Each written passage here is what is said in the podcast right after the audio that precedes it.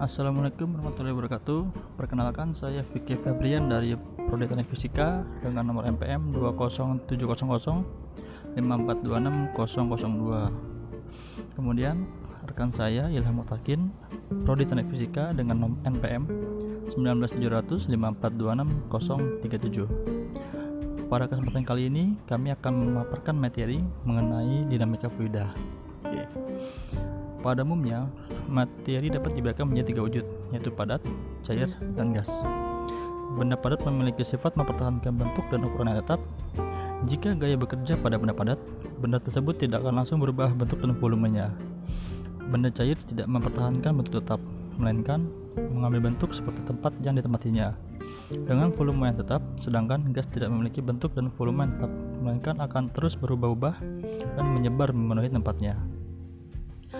Karena keduanya memiliki kemampuan untuk mengalir, zat memiliki kemampuan untuk mengalir disebut dengan zat cair atau fluida. Fluida dibedakan menjadi fluida statik dan fluida dalam keadaan diam dan tidak mengalir. Dan fluida dinamik, fluida berbagi atas berbagai macam gaya maupun tekanan-tekanan di dalam fluida yang diam. Pertama, saya akan menjelaskan mengenai konsep tekanan. Konsep tekanan sangat penting dalam mempelajari fluida Besaran tekanan didefinisikan sebagai gaya setiap satuan luas. Apabila gaya sebesar F bekerja secara tegak lurus dan merata pada permukaan bidang seluas A, tekanan pada permukaan itu dapat dirumuskan sebagai berikut. P sama dengan F per A. Dinamika fluida ada beberapa bagian, antara lain tekanan hidrostatik, hukum Pascal, Archimedes, tekanan permukaan, kapilaritas, dan lain-lain. Saya akan mulai dengan tekanan hidrostatik. Tekanan hidrostatik mempunyai merupakan besaran gaya tekan zat cair yang dialami oleh alas bejana tiap satuan luas. Tekanan hidrostatik dirumuskan sebagai berikut: P sama dengan rho dikali G dikali H. Rho itu massa jenis, G itu gravitasi, dan H itu ketinggian. Jika pada atmosfer di permukaan zat cair itu adalah P0, maka tekanan mutlak pada titik yang berada pada kedalaman H adalah P0 ditambah rho ditambah G ditambah H. Kemudian gaya berat zat cair akan menekan alas bejana. Selanjutnya disebut dengan gaya hidrostatis dirumuskan sebagai berikut F sama dengan P dikali A sehingga rumus tekanan hidrostatik menjadi F rho G H dikali dengan luas penampang. Dari persamaan di atas dapat disimpulkan bahwa tekanan dalam zat cair disebabkan oleh gaya gravitasi yang besarnya tergantung pada kedalamannya. Yang kedua adalah hukum Pascal. Blaise Pascal adalah seorang sarjana Perancis berkesimpulan bahwa gaya yang menekan zat cair dalam ruang tertutup akan diteruskan ke segala arah dengan sama rata. Hal itu selanjutnya dinyatakan sebagai hukum Pascal yang berbunyi tekanan yang diberikan kepada zat cair di dalam ruang tertutup akan diteruskan sama besar ke segala arah. Hukum Pascal dapat diterangkan dengan kerja penekan hidrolik, yaitu alat yang berupa bujana tertutup yang dilengkapi dengan dua buah pengisap yang luas penampangnya berbeda, masing-masing A1 dan A2. Pada pengisap yang penampangnya A1, dikerjakan gaya F1 dan diteruskan oleh zat cair lewat pipa penghubung ke pengisap A2 dengan gaya F2 sama dengan P. A2 karena tekanan pada kedua pengisap sama maka F1 dibagi A1 sama dengan F2 dibagi A2. Oke, pembahasan selanjutnya akan dijelaskan oleh rekan saya Ilham. Silakan Ilham.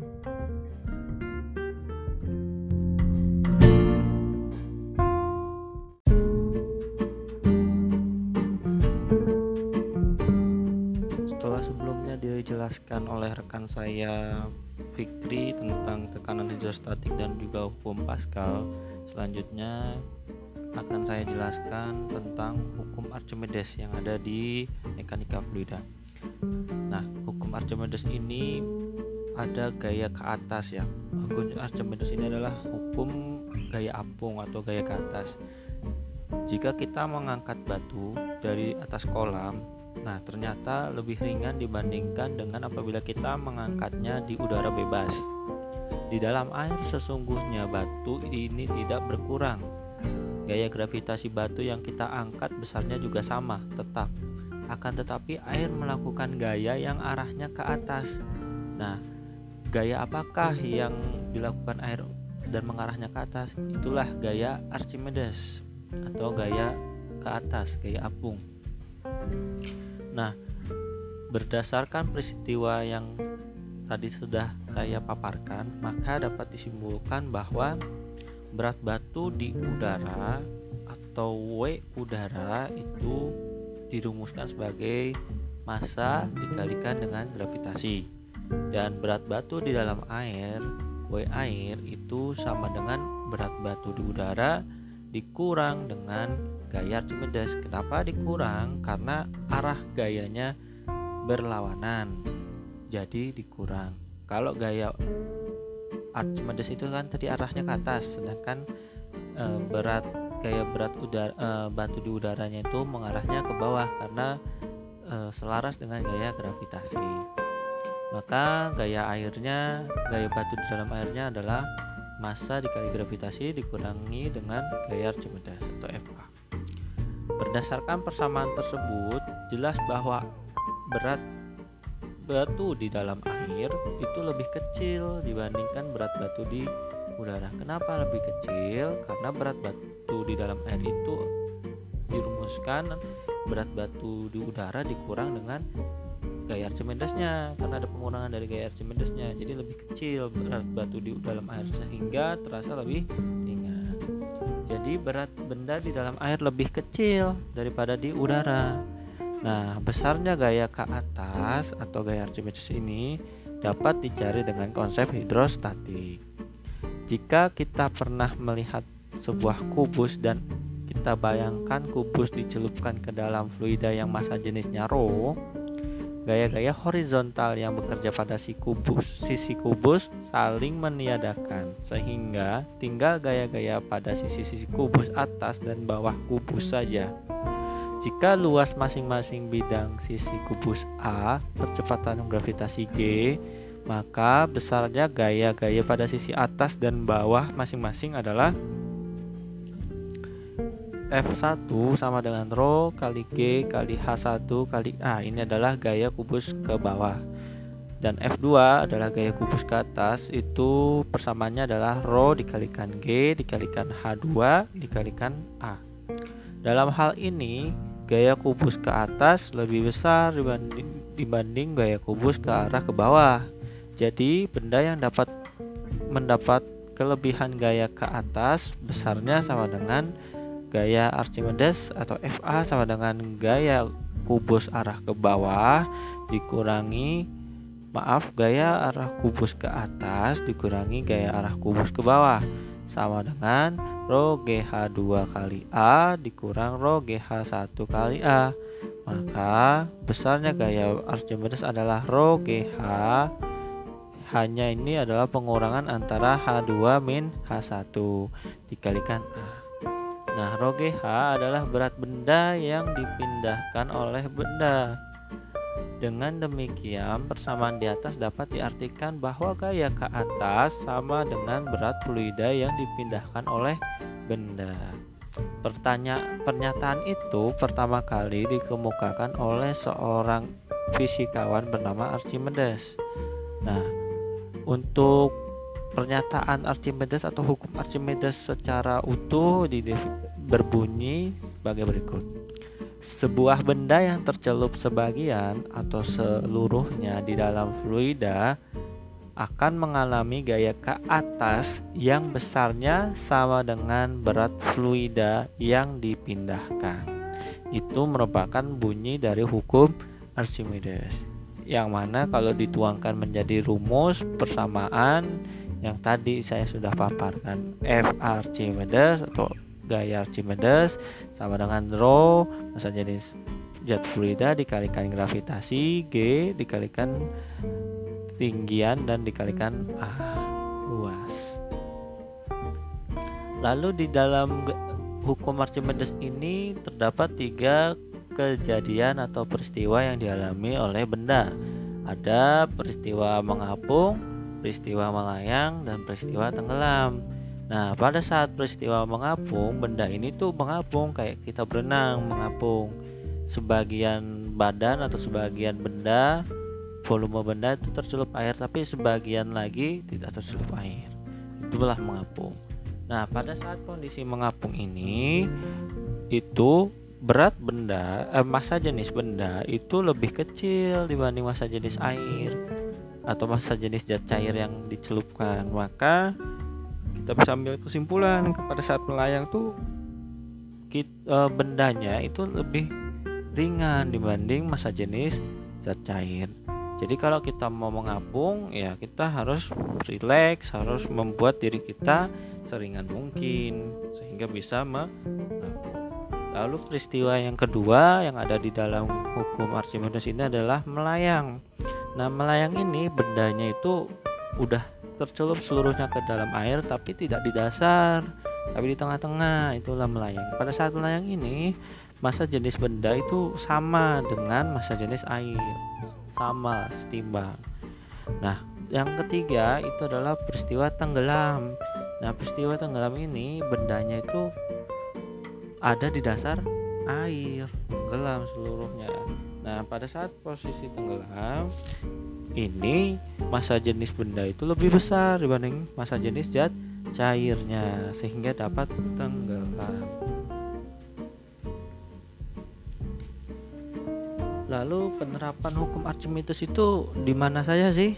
Nah, yang per, yang kita dapat lihat di kehidupan sehari-hari kita jumpai hukum Archimedes ini diterapkan yang pertama di kapal laut. Nah, pada kapal laut yang terbuat dari baja, mengapa dia bisa mengapung?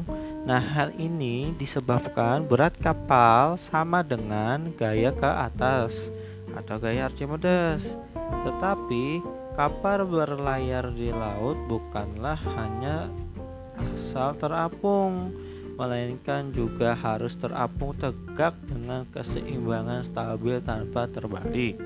Hal itu memerlukan syarat. Nah, supaya kapal selalu dalam keadaan normal, maka garis kerja gaya ke atas air harus melalui titik berat kapal. Sehingga apabila kapal miring, maka arah putar kopel kapal yang dibentuk oleh gaya berat kapal dengan gaya ke atas dapat menegakkan kapal kembali itu penerapan yang pertama hukum Archimedes. Penerapan yang kedua hukum Archimedes di kehidupan sehari-hari itu ada di galangan kapal. Nah untuk memperbaiki kerusakan-kerusakan pada kapal bawah pada bagian bawah kapal maka kapal perlu diangkat dari permukaan air. Untuk itu perlu dibuat alat yang disebut galangan kapal ini. Lalu yang ketiga adalah balon udara dalam atmosfer, setiap benda mendapatkan gaya ke atas seberat udara yang diperlukan oleh benda itu. Untuk menaikkan balon udara, balon diisi gas yang bermassa jenisnya lebih kecil dibandingkan dengan massa jenis udara, sehingga dia bisa terbang melayang. Lalu yang keempat penerapan hukum Archimedes itu pada hydrometer. Hydrometer ini adalah alat untuk mengukur massa jenis zat cair. Ya itu tadi ada empat penerapan dari hukum Archimedes dalam kehidupan sehari-hari. Ya selanjutnya setelah tadi kita mempelajari tentang hukum Archimedes, lalu kita masuk ke sub bagi subbab dari mekanika fluida itu tegangan permukaan. Nah, pada tegangan eh, kita sekarang membahas tentang, tentang tegangan permukaan. Apabila pisau silet dan jarum diletakkan mendatar pada permukaan air dengan hati-hati, ternyata dapat terapung. Meskipun masa jenis pisau silet dan jarum lebih besar daripada masa jenis zat cair, demikian juga nyamuk dapat hingga pada permukaan air, tidak tenggelam. Dari contoh tersebut, kita amati secara seksama akan terlihat bahwa permukaan air tertekan ke bawah karena pisau karena berat pisau, silet, jarum, dan nyamuk. Tegangan permukaan zat cair dapat dijelaskan dengan meninjau gaya yang dialami oleh partikel zat cair berdekatan maka gaya tarik menariknya besar Sebaliknya, apabila dua partikel itu berjauhan, maka gaya yang menariknya itu kecil. Dengan demikian, dapat dikatakan bahwa tiap-tiap partikel hanya ditarik oleh partikel-partikel sekelilingnya. Pada dasarnya, tegangan permukaan zat cair didefinisikan sebagai besarnya gaya yang dialami oleh tiap satuan panjang pada permukaan zat cair. Atau secara perumusan adalah tegangan permukaan sama dengan gaya dibagi dua dikali L. L ini adalah panjang. Pada umumnya zat cair tergantung terhadap suhunya seperti tabel di bawah ini menunjukkan nilai tegangan permukaan zat cair. Pada umumnya, tegangan berkurang jika suhu naik. Jadi ditampilkan beberapa jenis zat cair seperti astelon, alkohol, bensin, laksa, dan air. Nah, pada suhu 0 derajat itu tegangan permukaannya sekian 0, pada astelon contohnya itu 0,0263. Nah, pada suhu naik menjadi 20 derajat maka ada perubahan tegangan tegangan tegangan zat cairnya gitu dan naik lagi suhunya jadi 50 tegangan zat cairnya juga tinggi atau tegangan permukaannya makin besar lalu kebahasan yang selanjutnya yaitu meniskus dan kapilaritas apa sih itu meniskus nah pada meniskus itu adalah Gejala melengkungnya zat cair di dalam bejana itulah meniskus. Nah, kalau kapilaritas, apa yang disebut dengan kapilaritas? Nah, pada contohnya itu adalah pada sebuah jika batang pipa sebatang pipa kapiler pipa dalam dengan diameter kecil salah satu ujungnya dimasukkan ke dalam air maka permukaan air di dalam pipa lebih tinggi daripada permukaan air di luar pipa. Akan tetapi jika ujung pipa tersebut dimasukkan ke dalam air raksa dalam raksa ternyata permukaan raksa di dalam pipa lebih rendah daripada luar pipa dan gejala ini disebut dengan kapilaritas. Nah, pada kapilaritas dipengaruhi oleh adesi dan kohesi.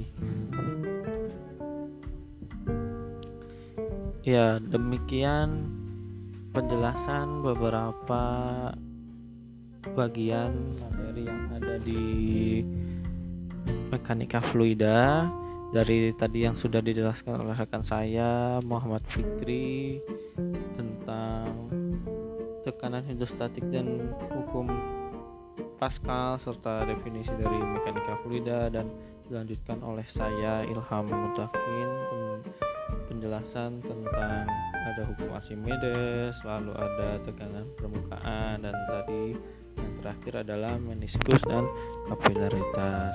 Demikian review materi mekanika fluida di pertengahan semester kali ini yang sudah kita bahas bersama Bu Kiki sebagai dosen pengampu tentang mekanika fluida.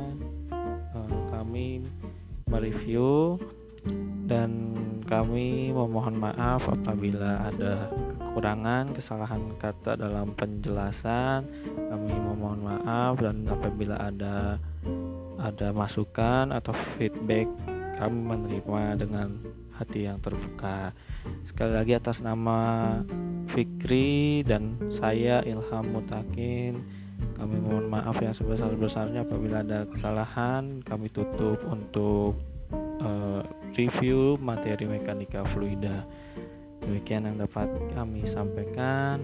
Assalamualaikum warahmatullahi wabarakatuh.